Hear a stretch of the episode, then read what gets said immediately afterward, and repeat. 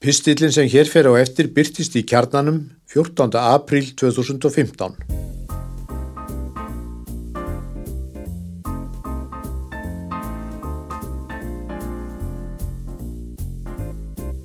Margreðar skálin Árið 1953 var dönskum lögum breytt þannig að konur og karlar ættu sama rétt til krúnunar, aldur í beinanlegg skildi ráða.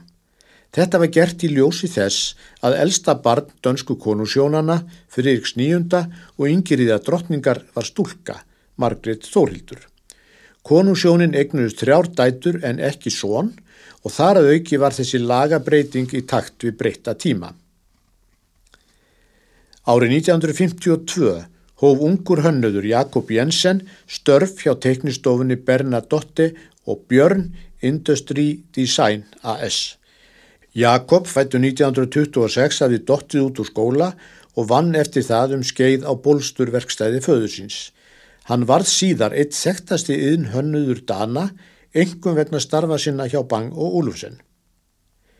Fyrsta verk Jakobs Jensen á teknistofu Bernadotti og Björns var að tekna skál, ætlaða til alliða nota í eldhúsi.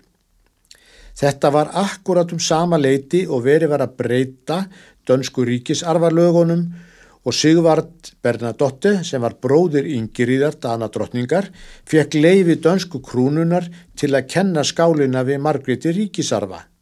Skálinn fekk því nafnið Margarete skálinn, Margretar skálinn.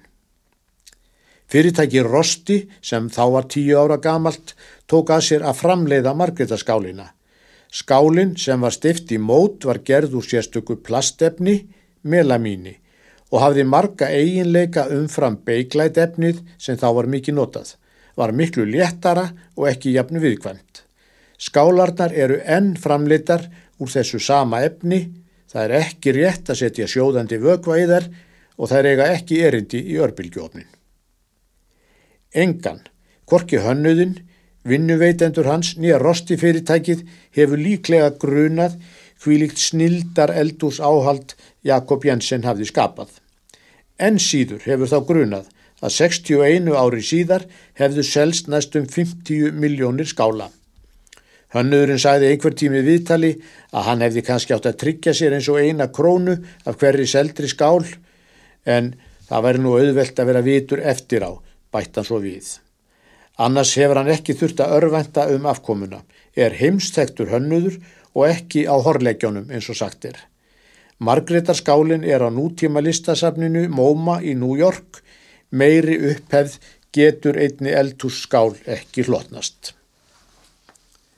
Margretarskálin var í fyrstu framleitt í fjórum litum, hvítum, grænum, gulum og bláum og í fjórum stærðum. Núna eru stærðirna tíu og litirnir að minnstakosti 15. Formið á skálinni er algjörlega óbreytt en upp úr 1960 var farið að setja gummikant eða ring neðan á botnin til að gera skálina stöðuri á borði. Hvað er svona merkilegt við eina skál? Þessa spurningu lagði eitt dönsku bladana fyrir fólk á förnu vegi. Allir þekktu skálina og svörin voru á þá leið að hún væri einfallega svo þægileg og hægt að nota hana til margra hluta í eldhúsinu.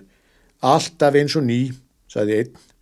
Marki sögðu að hún var í falleg og maður fengi aldrei leiða á að hafa hana fyrir augunum. Einfallega flott, sagði fólk. Kjötbólutna bestar ef þær eru hræðar í Margreti, sagði eitt sem spurður var.